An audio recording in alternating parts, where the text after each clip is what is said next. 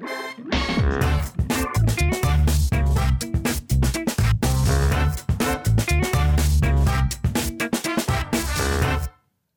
til Olympiapoddens eh, ferdighetshjørne. Jeg heter Morten Bråten, og med meg i studio har jeg Ola Eriksrud.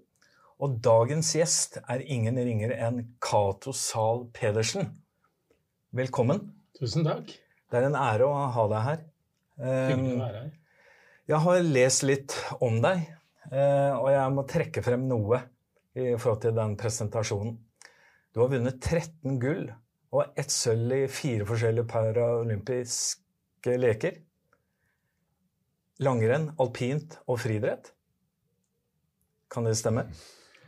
Ja, jeg husker det Ja. i starten. ja. Det var det. Og så har du hatt eh, det som eh, du har kalt unarmed ekspedisjoner. Eh, Sydpolen.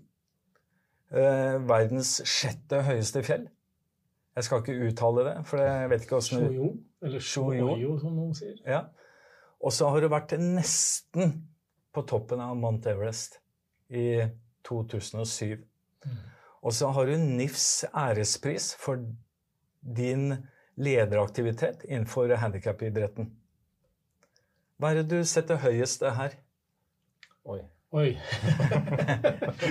Er det mulig å sette det ene foran det andre? Nei, det er ikke det. For alt, eh, heng, alt i sin tid, og alt henger sammen med alt, og er en konsekvens av en rekke, eller av et liv, på en måte. Så det er vanskelig å Nei, jeg synes det, det står pålar på veldig mye av det du har nevnt her nå. Jeg, jeg, jeg blir imponert når jeg leser det. Så, men eh, i dag så skal vi snakke om eh, hva du gjør i Olympiatoppen. Eh, hva er oppgaven din i Olympiatoppen? Oppgaven min er at Jeg er overordnet ansvarlig for paralympisk utvikling. Ja. Det er en tittel med veldig mye i seg. Jeg har, jeg har ingen omdeling. Paralympisk idrett er inkludert som en del av vår virksomhet. Ja. Og jeg er en form for både en vaktbikkje og en pådriver til å understøtte linjene, altså det som gjøres eh, av det ansvarlige, enten det er fra Tore og ledergruppen, innenfor fag, innenfor utøvere, og være med å å stoppe, og støtte opp under, og også identifisere eventuelle prosjekter eller muligheter for merfinansiering, som er et stadig ja. begrensninger på. Så dagen, hensikten i dag det er jo å Vi skal høre litt om og få litt informasjon om eh, tilnærmingen til paralympisk idrett og praksisen her på Olympiatoppen. Og så skal vi høre om din nye programpost i Olympiapodden. Ja. Det gleder vi oss til. Eh, Det er vi, vi, altså, vi, vi får en konkurrent, er det det du sier, eh, Morten? eller? Ja, eh, og jeg det, er, det er skummelt, altså. Det er, Ja. Det er en spøk, men eh, Ja. det Ja, er er- kjempe, kjempebra. Ja, men Kjempeflott. eh, konkurrenter, de, de beste konkurrenter de samarbeider er om prestasjonen, og så får vi se om, de, om det er noen som binder her. Nei, det er, jeg jeg syns det er strålende altså, å få kunnskap ut til folk. Mm. Det er eh, kjempemessig. Vi skal i hvert fall bistå i forhold til den nye programposten. Så Absolutt. den gleder vi oss til. Men eh, litt sånn konkret her, sånn at lytteren også blir satt inn i hva strategien er. Eh, Hva er historien fra starten i 2006 eh, i forhold til strategiplanen? Kan du si noe om historien her? Bare, altså, helt kort så er det jo da 2006 så vedtar jo norsk idrett at uh, handikapidretten og Handikapidrettsforbundet legges ned. Og utøverne med funksjonsnedsettelser nedsettelser eies da av NIF og det respektive særforbund, de som driver idrett. Det, det får jo en del Altså den juridiske, den endringen Mm. der, er, er jo et veldig stort skifte som har betydning for, uh, både handikapidretten, den tradisjonelle, og overgangen inn i ny. Det, og det blir jo også en, en, ut, en oppgave for Olympiatoppen å løse, og plutselig å sitte med parautøverne likt ansvar gjennom forbundslinjen. Så, så ringte Jarle da, den gangen, toppidrettssjef Jarle Ambø, og så sa han at jeg trenger hjelp, og jeg tror du kan være en bra mann på laget. og da ble jeg jo med inn etter å ha vært Mm. ute av idretten i mange år, og ble, ble med inn for å ta starten på hvordan vi best mulig skulle håndtere dette her. Det ble jo tilført betydelige midler til idretten, altså til gjennom NIF, det som heter post 2-midler, som ble tilført til å styrke in, altså implementeringen av, av paralympiske utøvere. Og, og det var da på bredde, og det ble ikke tilført noe til toppidretten. Det, det, så det fant vi jo fort ut at her starter vi på ganske blanke ark. Dere, Olympiatoppen hadde nok å gjøre. Altså, og, og da få kanskje 50-60-70 utøvere den gangen inn, innrullert, Mm. det, det har vært en, en, en vei som jeg også kan gjerne knytte noen kommentarer til. da. Eh, Jeg tenker at eh, din rolle, den har jo også hatt en vei fra 2006. Mm. Men eh, det overrasker meg over at det du sier, da, at toppidretten innenfor paraidretten da, ikke fikk noen midler. Forstår jeg det riktig da? Det var ingen styrking av midlene for at toppidretten skulle kunne forvalte den, ja, av det, det fenomenet. ja. Eh, Men eh, din rolle, eh, hvordan eh, har den utvikla seg siden 2006? Jeg regner med at det har skjedd eh, mye. Det har jo det, da. Ja. Det, det, det har utviklet Min rolle startet med en eh, time, altså en prosjektstilling. Jeg og ikke ansatt. Det var litt bevisst fra min side òg, men jeg var med på å bidra til å uh, ha Chef Mission-rolle og organisere Beijing den gangen i 2008. Og, og, og satt sånn sett som coach, liksom kontaktpunktet til alle disse handikap-idrettsmiljøene som nå var inn i særforbundet. Men det var ikke gått opp noen gode ja, Litt forskjellig fra noen forbund, men generelt så var det jo en eh, jeg som hadde den direkte kontakten. Og så var jo det en, både den videreføringa at kom ganske raskt på, på, på plass, var at Mm. Olympiatoppcoachene også tok ansvar for paralandslags- og parautviklingen. Og at fag har har vist, og fag og helse og øvrig støttefunksjon på huset, har liksom eid det ansvaret tydeligere og tydeligere og større og større. Ja. Det, og det var jo akkurat det når vi den historien der også, når jeg jobbet i kanskje til åtte-ni år, før jeg ble fast ansatt som i utviklingsavdelingen med da nytilsatt Trond Pedersen, så, så hadde jeg jobbet da som prosjekt og litt ikke eid hele det. Da hadde ikke min stilling totalansvar, eller hadde ikke den type kraft. Så, fikk jeg det i utviklingsavdelingen, og utviklet i større grad et fokus på morgendagens utøvere. Og utvikling av regionene til å bry seg om morgendagens utøvere. Og styrke øh, øh, ressurser på huset her, så at vi kunne få det, det løftet.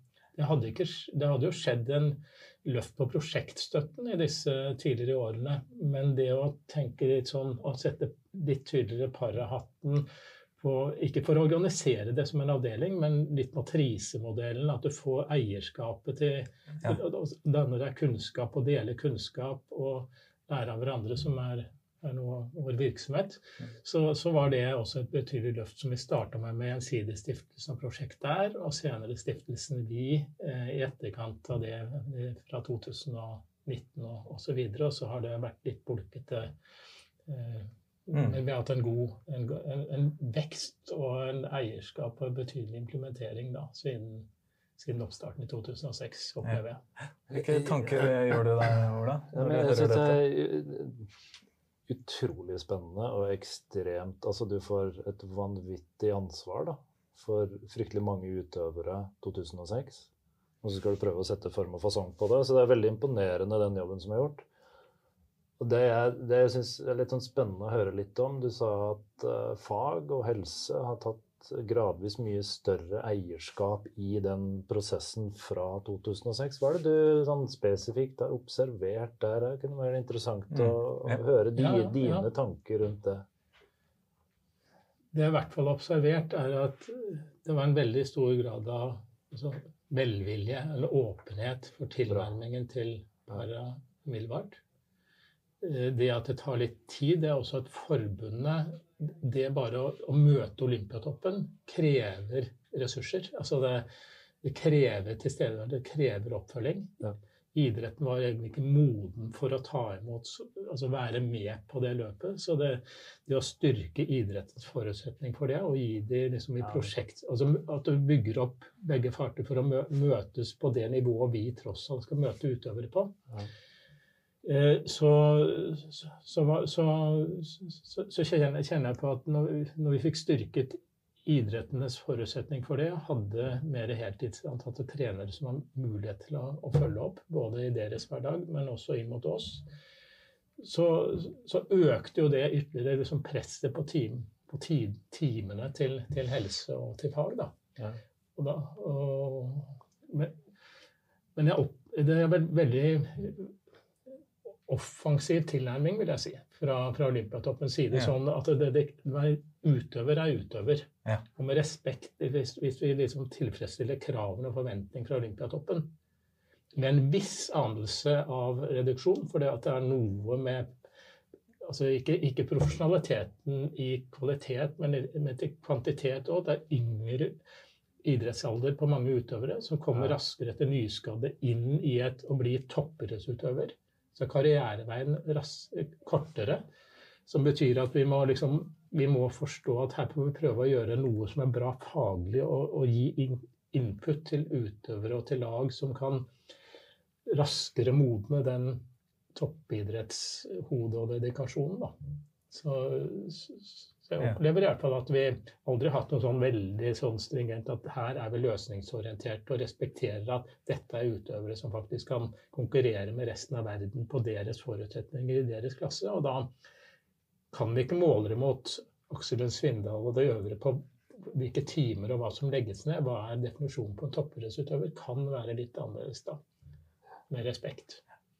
Hvis du ser på den reisen du har hatt da, siden 2006 opp til i dag, eh, hva er de største utfordringene eh, du har møtt underveis? Er det, er det holdninger?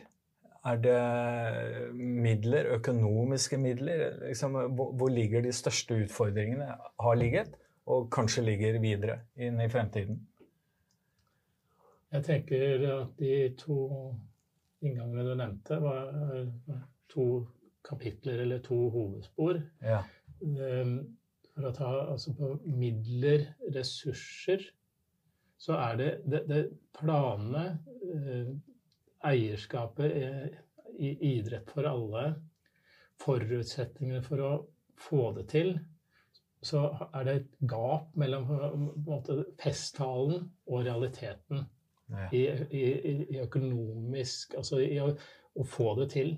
Jeg husker i 2008, så, så et, etter Paralympics på, i Beijing, så besøkte helseministeren oss der nede, og da avtalte vi et møte i etterkant. For vi mener at helse bør være med å investere i toppidrett på para for at det også skal hjelpe folkehelsen for altså det, at, at helse kunne inn, innta en ordning, og det sier ja. helseministeren at det skal vi jaggu meg få til. Og så fikk vi et løft den gangen eh, på 8 millioner kroner, som var betydelig, et betydelig løft.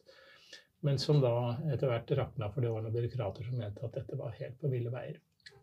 Det er, det er liksom, økonomien er at det henger litt sånn på det er, det er ikke en fundament i, i, i kjernepost fire-midler. Vi er hele tiden på en leting. Mm. Så det er det er liksom noe av det identifiserer. Og holdningsmessig så er det ingen vrangvilje, men det er usikkerhet. Det er stor generelt en grad av usikkerhet som kan, være som kan passifisere litt mer på hm, interessant, hvordan, hva gjør vi nå? Mer enn hm, nei, tror, altså hvordan man bare lar det skli unna og ikke ta det juridiske annet man sier at hvordan skal denne strategien implementeres når vi nå sitter med parautøvere, den, den er Det har ikke vært noe grep eller noe tydelige spor. Det er blitt en, en mer en sånn at man unnlater å ta del i det før noen banker på døra, eller før det er noe aktivitet. Ja. Så det at Ja, det er vel de to hovedsporene. Ja. At, og, og at de som vil noe, de får det til. Både i, liksom i breddeidrett og, og i toppidrett. Og vi får det til, Ja. men det, er aldri, det har ikke vært så veldig proaktivt løft for å løfte også liksom, eh, veksten på dette området. Det er de samme. Vi har ca. 50 landslagsutøvere, 50 morgendagens utøvere, som er innenfor paralympisk syns- og bevegelseshemmede. Ja.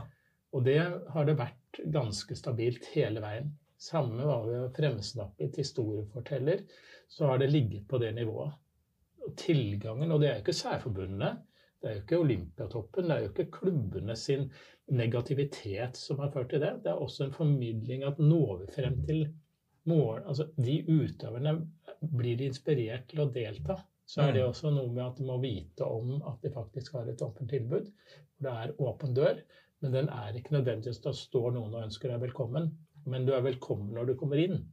Ja. Altså, vi, har ikke, vi har ikke hatt så veldig stor grad av tiltrekning liksom, at vi, den offensive markedskampanjene, da. Hva svirrer i hodet ditt? eh? Det er, jo, det er jo bredde og tilrettelegging i det ganske land, da. Det er vel egentlig det jeg ser på som en sånn At, at man ser mulighetene der, da. At det er liksom Altså Mulighetene er, er, er jo der, ikke sant? men det er jo det at den enkelte faktisk kan gå og, og, og, møte det. Jeg vet ikke, er det, er det et problem, eller er det Ja, det er kjerne, kjerneutfordringen for meg. da. For det at uh, toppidretten speiler jo for så vidt liksom breddeidretten, og vice versa. ja? Eh, skal vi ha topp, vekst i toppen, som er det noe å drevet eh, mangfoldet. Og, det, og strategien ligger jo åpen for det. Ja. Så det, det er, alle lag er, skal jo ivareta altså, Nedsatt funksjonshemmede skal kunne finne et idrettstilbud. Og, men, men eh, at vi ikke at, at ikke, det, det er, For funksjonshemmede så er det vanlig å slippe gymmen. Det er vanlig å på en måte slippe å gli litt unna.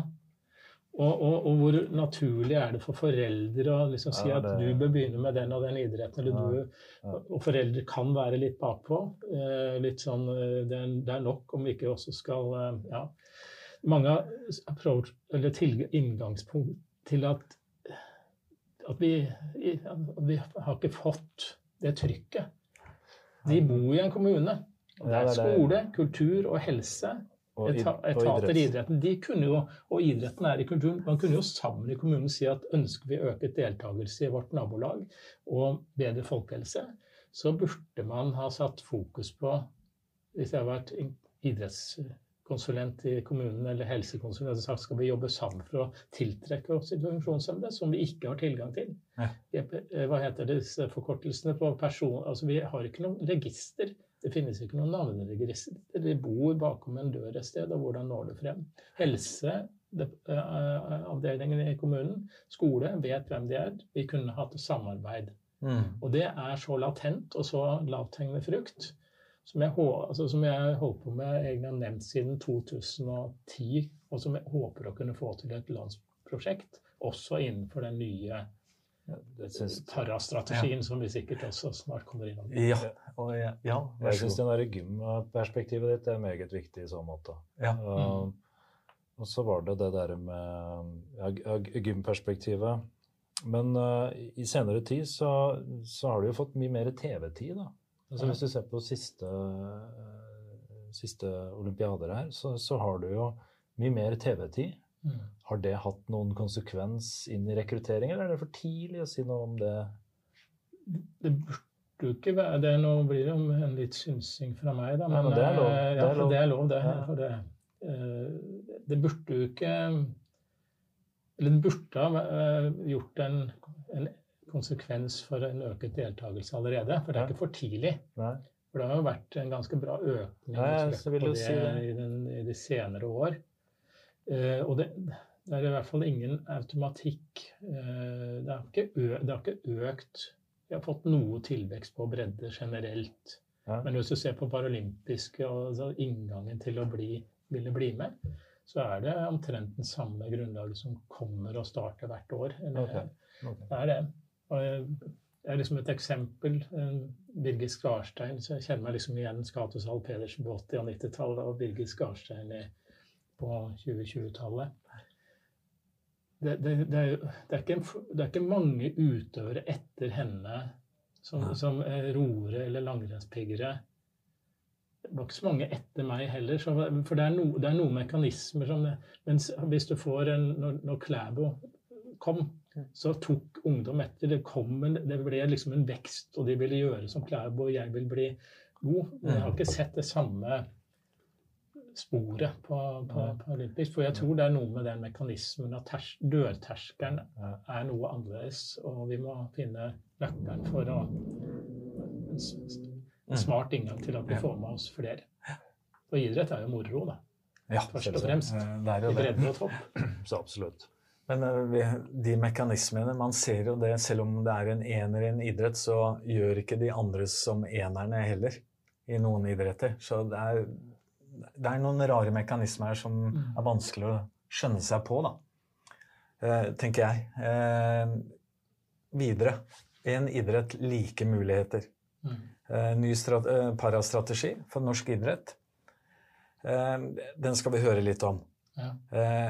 Og så hvordan du vil flette det inn underveis med Vi-stiftelsen. Det er vel eh, viktig å ta med seg eh, når vi snakker om eh, parastrategien videre.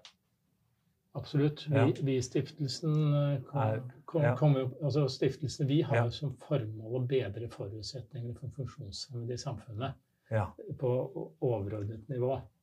Og, og, det, og da når de la den planen og tok kontakt med oss i Olympiatoppen, for de ønsket å ha tre spor, det var toppidrett. Altså starte med toppidretten, ut, eh, bry seg i større grad om breddeidrett, og for folk flest. Altså arbeidslinja, skolelinja, deltakelse i samfunnet og synet generelt på funksjonshemmede. Og da med å skape profiler og, og, og synliggjøre toppidretten for et bilde også på deres arbeid og kommunikasjon videre. Mm. Så endelig kjente jeg på, når de, når de henvendte seg til oss, en solid aktør, hvor det ikke, det ikke, ikke sånn sett manglet på langsiktighet på en måte, på, og, og på midler, så ble vi innlemmet i å, å, å beskrive vår, hvordan tenker vi at vi kunne eh, med, da. Mm. Hvordan Olympiatoppen kunne være med, og hvilken plan ville vi ha presentert for å løfte, løfte det, dette arbeidet. Og da pekte vi på at vi må styrke våre forutsetninger til å jobbe med de vi gjør i dag, på, fa, på, på fag og på prosjektstøtte til eh, idrettene.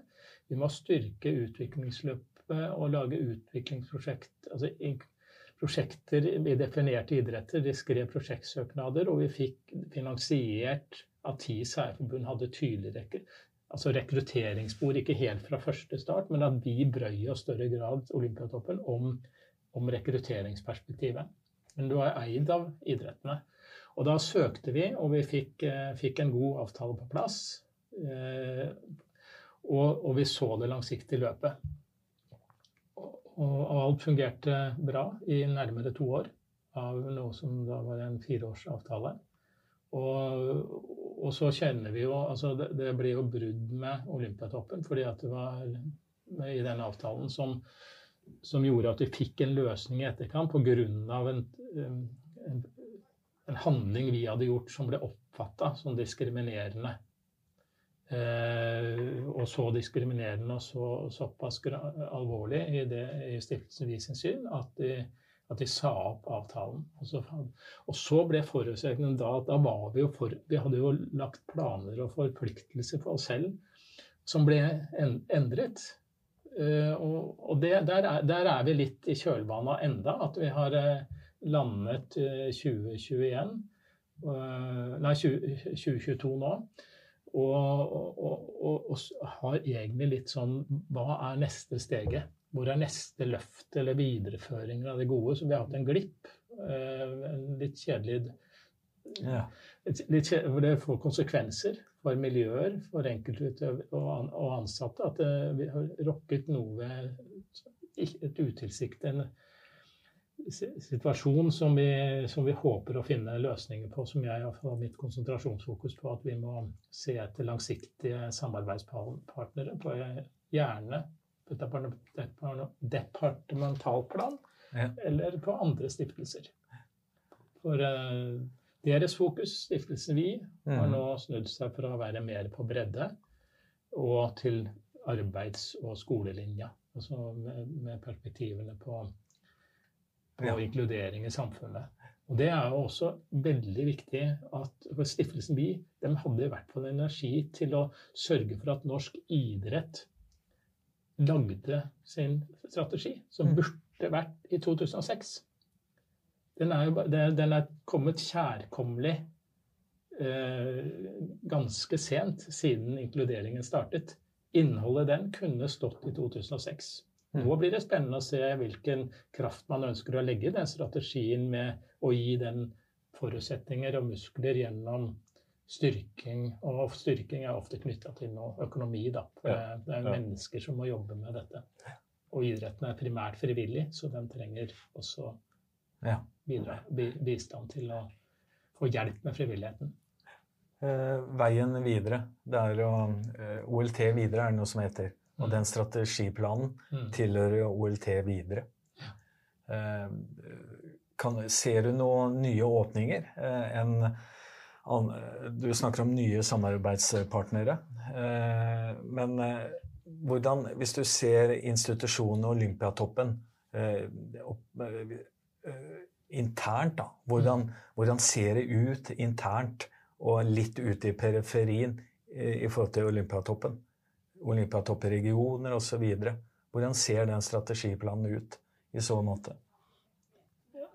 Vi, vi mener at olymp, altså strategiplanen, eh, prinsippene i den, mm. den, den driver Olympiatoppen etter. Ja. Altså vi, vi når, det, når det gjelder inkluderingsperspektivet, når det gjelder eh, å få- til toppidrett, breddeidrett, kompetanse, kommunikasjon, så, så, så, gjør vi det i stor grad også i hvordan vi er organisert. Så si, så har, men så har den strategien også gitt oss anledning til å styrke Altså til å tydeliggjøre da hva betyr den for oss fra den, det ståstedet vi er, som, er, som er relativt integrert og bra fundamentert i utgangspunktet, så, så peker den på at vi skal styrke faglige ressurser. Altså vi skal styrke vår evne til å mø... Til, til opp mot 100% li, altså en idrett like muligheter. Så er likheten er jo at vi skal For at Olympiatoppen skal kunne jobbe på en måte likt av av ressurser, så trenger vi det. Vi trenger sårt noe flere ressurser, også regionalt og sentralt, til å kunne gjøre, ta imot den Altså gjøre, gjøre mot de, de som er her i dag, og for så vidt de som er i løpet. Morgendagens utover kan være enda smartere. Hvordan kan vi bli enda bedre, som strategien også sier? Og bygge ut regionale møteplasser, for det er enkeltutøvere i, i ganske mange særforbund som trener og er mye alene i hverdagen, og, og trenere som er mye alene i hverdagen. Hvordan kan vi regionalt bygge opp litt mer møteplasser hvor, hvor, eh, hvor mingling og god utvikling og, og kan skje både mellom utøvere og mellom, mellom trenere og miljøer, hvor Olympiatoppen kan ha en kjerne. Og der ser jeg at og, og, og der er Olympiatoppen sentralt, er jo en del av øst. Altså vi ligger jo i østregion, da mm. morgendagens utøvere. Og kan, eh, jeg ser en, en mulighet til å styrke posisjoneringen til at vi kan få enda bedre fart på morgendagens parautøvere. Jeg var eh, med Svømmeforbundet for ti år siden ute og reiste på mesterskap når Alexander Dale Oen var med, og vi var på samlinger. Og da var også paralandslaget, svømmelandslaget, med Morten Ekelund i spissen, også med De var integrert i hele den virksomheten. Og det må jeg si, det opplevde jeg som utrolig fruktbart å være med på. Eh, Og det tror jeg gjorde noe med alle som var i det teamet. Hvor langt har idretten kommet i den integreringa? Hva, hva, Det, ja. jeg, vi har, vi har, jeg vil si at vi har kommet langt. Nå snakker vi jo toppidrett, nå snakker vi landslags- altså morgen, ja. Ja, der hvor vi jobber med Der hvor det er nok tid og ressurser hvor Ja, ja. som hovedfokus. Så, så er det generelt et veldig bra eh, bra trykk på det, tenker jeg, da. Eh, men det finnes unntak, og det er, det er idrettsspesifikt. F.eks. så opplever jeg alpint er veldig altså, Attacking Vikings og det lagspillet, så, så kjenner alpint på, og jeg kjenner på overfor dem, at de er inkludert. Men de trener jo ikke samme løyper ofte. For det er ganske det er, det er, altså Kitzbühel egner seg ikke for, for Jesper Sandvik Pedersen. Eller Sorry meg, kanskje jeg er forutinntakende, men, ja, ja, ja. men de er jo inkludert i tankegangen, i måten og, og barmark og, og, og, ikke minst mentalt mm. uh, er inkludert. Svømming de er akkurat det samme banen. Det er samme bassenget. Det det er lett å integrere. Mm. Uh, skyting er lett å integrere. Det er uh, de samme skivene. Det, det er langrenn. Plutselig så begynner du med helningsgrad ja. og en pigger. Hvor er det vedkommende kan få trent når det er i høyden? og du, du skal på en måte, Det er ganske mye opp og ned. Så vil jo det være ganske skjebnesvangert hvis du skal bruke den samme løypeprofilen for en langrennspigger som ville knekt seg på høydetrening eksempelvis. Da må man finne andre flater og andre miljøer. Løypene og forutsetninger er kjent ut, og derfor er heller ikke de ofte så sammen. Mm. Men, men eierskap Altså i plan forankret i sportssjef, forankret i, liksom i tenkingen, så, så, så, er det generelt bra. Men det er der også jeg håper at strategien skal komme med og enda større grad tydeligere, og at det skal skinne i praktisk handling og i, ikke minst et, i historiefortellingen. Mm. Sosiale medier og i vår kommunikasjon. Kompetansen eh, og tilretteleggingen det er, det er, noen som er gode på dette, og så er det de som eh, kanskje ikke er fullt så gode på den integreringa. Ligger det på kompetansesiden? Ligger det på det å tørre å tilrettelegge? Eller hvor, hvor ligger, eh, hvor ligger gevinsten her for, å, for parastrategien? Det, det, det, er jo inngangen er på kompetanse, så, så, så, er det litt sånn kanskje på begrepet tørre. Altså det å tørre å gjøre seg litt dum, eller liksom Jeg er litt usikker på hva det innebærer, dette. Å være nysgjerrig på det. Mm. Mer, mer enn for at Generelt så er det den samme kompetansen en trener, en leder i et idrettslag eller en, en sportssjef. Det er idrettsutøvere, det er miljø. De skal konkurrere med sine forutsetninger utøverne vet, kjenner seg selv ganske bra. Finner fort ut hva som er begrensninger og muligheter. Så, så, er, eh, så treneren kan ha samme spørsmål og samme problemstillinger inn til en utøver. Men fordi at det ikke hvis, Det er ikke Fordi at det, det kan være at utøver, treneren, stopper seg selv i egentlig at jeg er litt usikker på det. Så derfor så. Engasjerer meg heller ikke. Så det er noe å få frem at tørre å senke den garden av usikkerhet. Det er bare å gå inn og snakke med utøveren. Det er gå inn i miljøet og bry deg med en samme intensitet og samme nysgjerrighet og innfallsvinkel som du gjør overfor andre utøvere. For funksjonsfriske er jo like avvikende som funksjonshemmede. Altså i spennvidden av forskjellen på en 14-åring i mm. langrenn så, så, kan man jo ikke tenke likt. I hvert fall ikke hvis det er kvinne og mann oppi denne 14-åringen. Nei, men det Nysgjerrighet syns jeg er et sånt veldig flott, uh, flott stikkord her. da. Mm. Og, og, jeg tenker de møteplassene der, og ufarliggjøre de diskusjonene. For i, i møte, ikke sant? Det handler jo om forutsetninger og tilrettelegging basert på en forutsetning. Mm. Og, og, og i, i, det møtet så kan det være usikkerhet. ikke sant? Men da er det jo bare å sette seg ned men da ha det forumet og kunne diskutere på tvers og få de her små miljøene og få den her diskusjonsbiten fram. Ekstremt viktig. Jeg syns det er ufattelig spennende å jobbe. Fordi du, du møter en Det er en utfordring, da. Ja. Og så må du tenke hm, hvordan skal jeg løse det her? Hva er det vi kan fokusere på? Hva er viktig? Eh, det er en veldig veldig spennende, syns, syns jeg personlig. da. Ja, synes, det er det, også er det som forløser, For det er stort sett er det veldig enkelt altså det å komme i det, det sporet av trygghet. Ja, ja. trenerens side. Jeg må bare fortelle en, li, en li, eksempel. Altså, jeg gjorde et comeback i Lillehammer beste versjon 1994. Jeg hadde lagt opp i 88 og var borte i halvannet år. Og så sier eh, forbundet til meg at du må være med. Vi skal bli beste nasjon på hjemmebane. Og vi trenger deg med. Og så fikk jeg ordna det sånn at da kunne jeg, jeg var i full jobb og hadde datter. Eller familie, da. Og så, ble, så fikk jeg ordna oss på Hemsedal. Jeg har hytte i Hemsedal. Og så snakka jeg med Hemsedal idrettslag. Og der var det to gode personer. Tom Kvinlaag og Bernt Müller. Og så og, så, og Bernt kjente jeg litt fra før. Og så sier Tom Kvinlaag at jeg, jeg, jeg gjør det gjerne, men jeg kan jo ingenting om det sånn.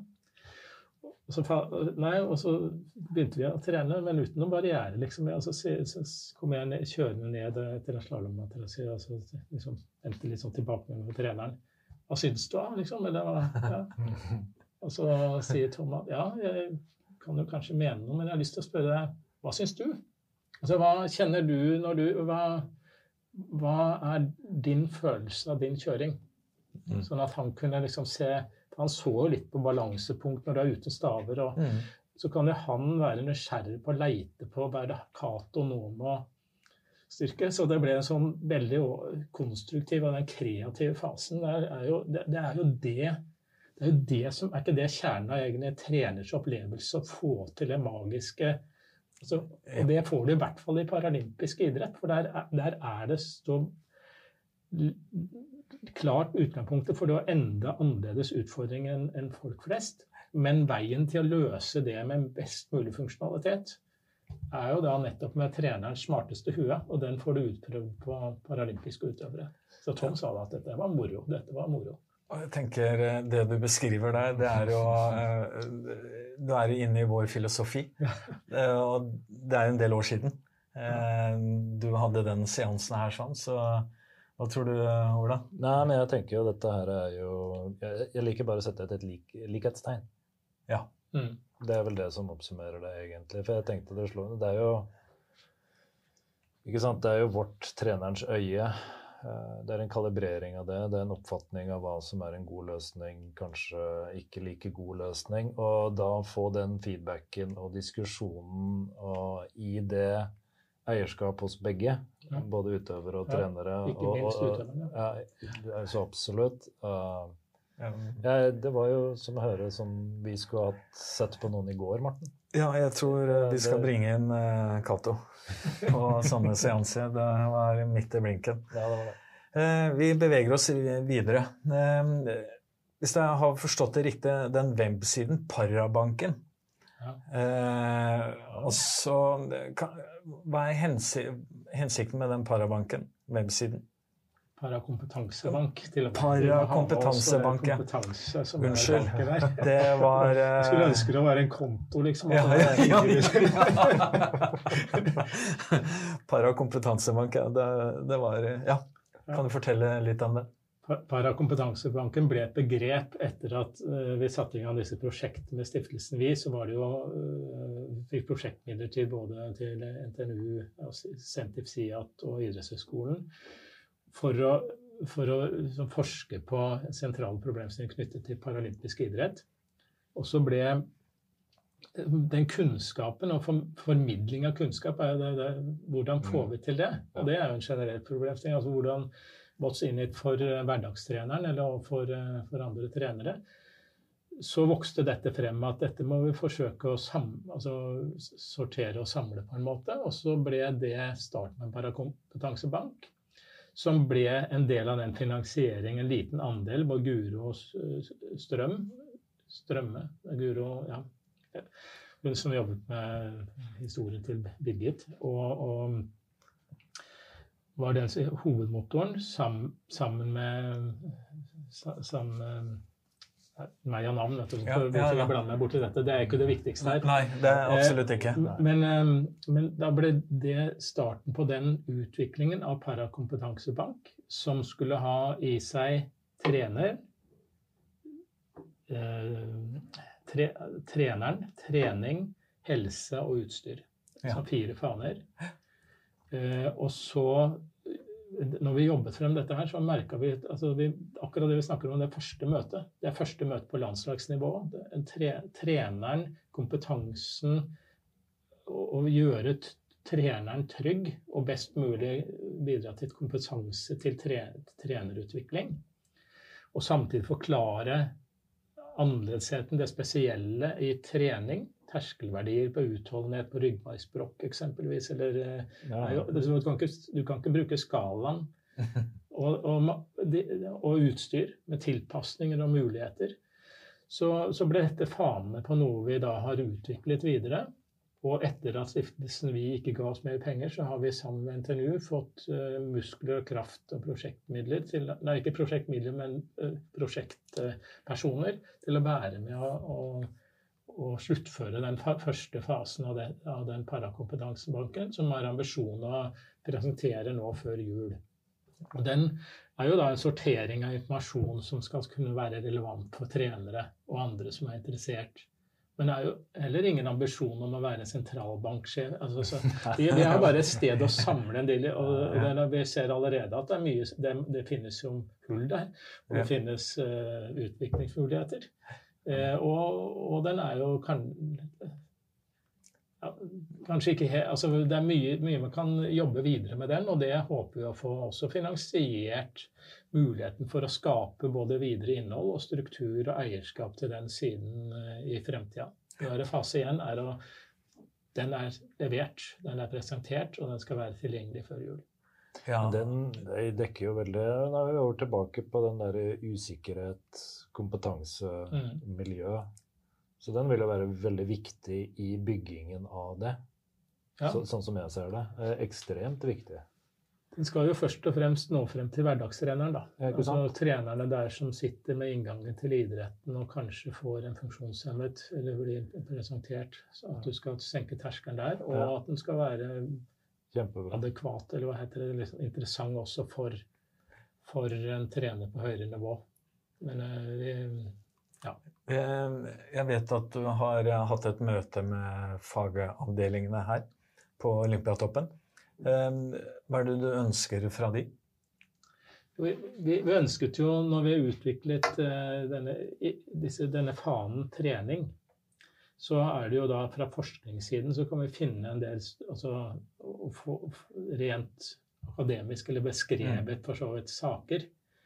Men da gjennom å bruke Olympiatoppen, som har jobbet med parautøvere i så mange år, og vi, gjerne, og vi har noen som har liksom enda tydeligere parahatten på i hver avdeling, så samler vi de i en, eh, i en samtale Først og fremst så samles vi jo for å si at hva er det vi kan snakke om, og hva er det vi som er og, og hva er det som kan være annerledes eller spesielle hensyn å ta. Så, så snakker vi om det med de nå i hvert fall avgrenset til fem, fem fagområder.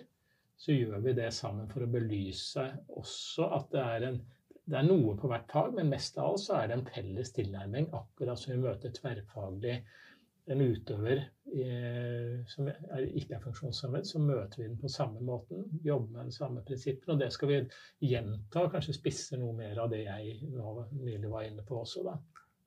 Og da er vi jo over til den nye programposten. Ja. Kan du fortelle oss litt om den? Ja. Det parentes. Parentes, parentes ja. intet, uh, intet mindre. Uh, Olympiapodens parentes.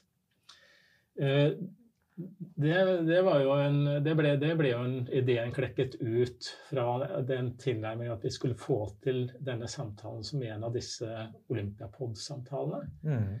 Som vi da kunne bruke og laste inn i, Olympia, nei, i Parakompetansebanken. Eh, og på veien der så, ja, så var det jo vi og sammen med Kristin Bredal som eh, jobber for kommunikasjon hun hadde jo ideen om å kalle det parentes. fordi at hva er en parentes? Parentes er ikke ubetydelig. Altså, hvor, hvorfor bruker du en parentes? Mm. Det er for å tillegge noe eller å bemerke noe. Mm. Understreke noe, på en måte. Mm. Og hva, det er jo akkurat det para er. Det, det, det, er jo det er inkludert, Vi jobber på samme premissene, men vi, vi merker det som en parentes, det som er spesielt hva angår liksom, paralympiske syns- og bevegelseshemmede, og problemstillinger knyttet, knyttet til det. Og da syns jeg det var en Genial. retts... Ja, det, jeg syns altså, det er helt genial, jeg. Jeg Ja, synes det er det. veldig bra. og den skrives jo, parentes skrives jo med e, parentes, men vi har da kalt det para med stor, store bokstaver. Ja. NTS, altså, og satt i parentes. Så blir det det er, vårt, eh, det er vårt hjørne, da. Og da har vi vel også på veien funnet ut at eh, det har jeg lyst til å være med og Det er en fin plattform. At vi ikke har gjort det også for ti år siden, det er noe så, men men du gjør det nå. ja, vi gjør det nå. Det er akkurat det. Der er tid for alt. Ja, Vi kan sette problemstillinger, korte og, og lengre, knyttet til paralympiske perspektiver. da. Og du er et eh, viktig knutepunkt for paraidretten. Sånn jeg tror du er riktig mann på riktig plass i forhold til den programposten, og mye mer, da. Men eh, akkurat å kjøre den programposten tror jeg det er veldig viktig at du har den. Jeg kjenner jo i hvert fall på at, at eh, den bør, bør jo kunne det bør, ja, det, det bør være en del av mitt eh, virke, sammen med at jeg er chef de mission i Paris som det sporet. Ja. Jeg har to idretter å coache, eller som ORT-coach. Og så har du dette nå som det største Det tredje sporet, etter at også jeg tidligere hadde morgendagens utøvere. Nå er det i større grad innenfor talentutvikling avdelingen Mm. med, med Jan Woldsvik, og, hvor Morten Bråten har en rolle til å være har liksom parahatten inn i det, uten at han alene skal ha det. Men det er jo noe med det å jobbe sammen, og at jeg nå kan slippe det ungdomssporet og heller på min uh, Du sier Morten Ekelund. Jeg sa Morten Eklund, eller sa Nei, jeg bare Morten? Du sa Morten Bråten. Nei, gjorde jeg det? Ja, men det er Morten Ekelund. Og så er det Kristin Bentdal. Ja. Ja, Det er Kristin, faktisk. ja Kristin. Ja. Ja. Så vi må bare vi må rydde rette opp i det. Ja, det er viktig. Men det var Morten eh, Ekelund. Definitivt. Ja, ja. Tidligere landslagssvømmetrener. Ja. Eh, vi er i ferd med å avslutte, Ola. Ja. Eh, eh, vi har et spørsmål igjen til eh, deg, Cato. Eh, men jeg har lyst til å høre med Ola om han eh, har noen tanker eh, som du tar til deg gjennom den informasjonen Cato har kommet med. Er det noe Nei, jeg, jeg har vel egentlig lyst til kanskje bare oppsummere det med ett ord. jeg. Altså, fra 2006 til nå så er jeg imponert. Altså, det er jo imponerende det som har skjedd, tenker jeg. Du sa jo at det har vært en positiv utvikling. Og så er jo alltid mm, altså, Hvorfor gjorde vi ikke den her podkasten for ti år tilbake? Nei, men altså, Det er alltid muligheter hele veien. Og så, ja, jeg er imponert, og så syns jeg det er helhetlig. Uh, dere jobber Det er flerfrontskrig, alt jeg på å si. Dere har noen buckets som dere følger. Uh, nei, det er meget, meget bra. Så syns jeg det er også ekstremt uh, flott at du sier det veldig godt ivaretatt og møtt. Det syns jeg er tipp topp. eh, Det tar jeg med meg. Bra. Et uh, siste spørsmål. Uh, det handler egentlig uh, Du har fått et rammespørsmål hvor jeg spør om du kan ha et kritisk blikk. Men jeg tenker at hvis vi snur det litt mer positivt, da Hvilke råd vil du gi til Klubben-Norge og trenerne der ute som har med barn og ungdom å gjøre i forhold til rekruttering inn til paraidrettene? Hvilke råd vil du gi til klubblederne? Hva er det viktigste du har i hodet som du har lyst til å si noe om? Kan jeg før jeg gjør det, bare også gi et råd til eh, Hvis du tar liksom fra nå og videre med ikke, pa- Paralympisk-strategien. Den er beskrevet. I alle disse årene vi har holdt på, så har vi, vi har kan si, prøvet, feilet. Forankring, forankring, forankring. Nå må vi forankre en modell som er bærekraftig i lang tid fremover, basert på den strategien. Og den samler fortsatt litt Jeg savner litt den det trøkket på det. Ja. For å nå frem til hverdagstreneren der hjemme. Altså for det, det er der nøtten ligger, at vi har idrettslag. Det er ingen andre idrettslag enn det idrettslaget og de idrettslagene i den bygda som eventuelt skal Hvordan kan vi Utøvere eh, skal kjenne på altså mitt, mitt råd er, er å tenke som trener at møt den utøveren akkurat som en annen utøver. Møt den som, en, som om du er en god forelder, altså mot din egen barn, med respekt og interesse. Altså det å være med og, og, og, la un, barn og unge få lov til å oppleve og bli inkludert i noe positivt som idretten, som både er morsom og meningsfull og viktig i et folkehelseperspektiv. Det tenker jo ikke barn på. Men også viktig i et holdnings- og inkluderingsperspektiv. Å være inkludert i skolen, på treninga, i sjakklubben. At vi i større grad møter annerledeshet med åpent og konstruktivt sinn. Eh, og det er den lille kneppen av en ikke en holdningsendring, men en liksom atferdsjustering som jeg, mm. som jeg, kjenner på at det, det, det, forløsende er apostrofen på en måte i det som skiller impossible til I'm possible. Samme sannheten, samme fakta, men sannheten er at du kan uttrykke det impossible eller impossible. Jeg kan uttrykke liksom hm, interessant. Dette var en interessant problemstilling, kan man si, ikke sant?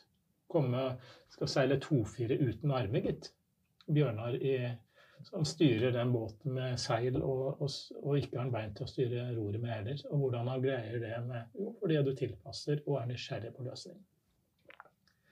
Så jeg vil bare eh, liksom, oppfordre til at det er så lavthengende og det er så tilgjengelig. Idrettslagene er der. De funksjonshemmede er der. De funksjonsfriske er der. Idrettsutøvere. Alt er der. Vi trenger en forløsende katalysator til å si at velkommen inn her. Vi vil bry oss også om deg. Jeg syns det var veldig ja. bra avslutning, Ola. Ja, nei, det er ikke noe Nei, nå blir det hoppe etter Wirkola. Ja. Nå... Tusen takk for at du kom i studio. Veldig hyggelig å være her. Takk skal du ha.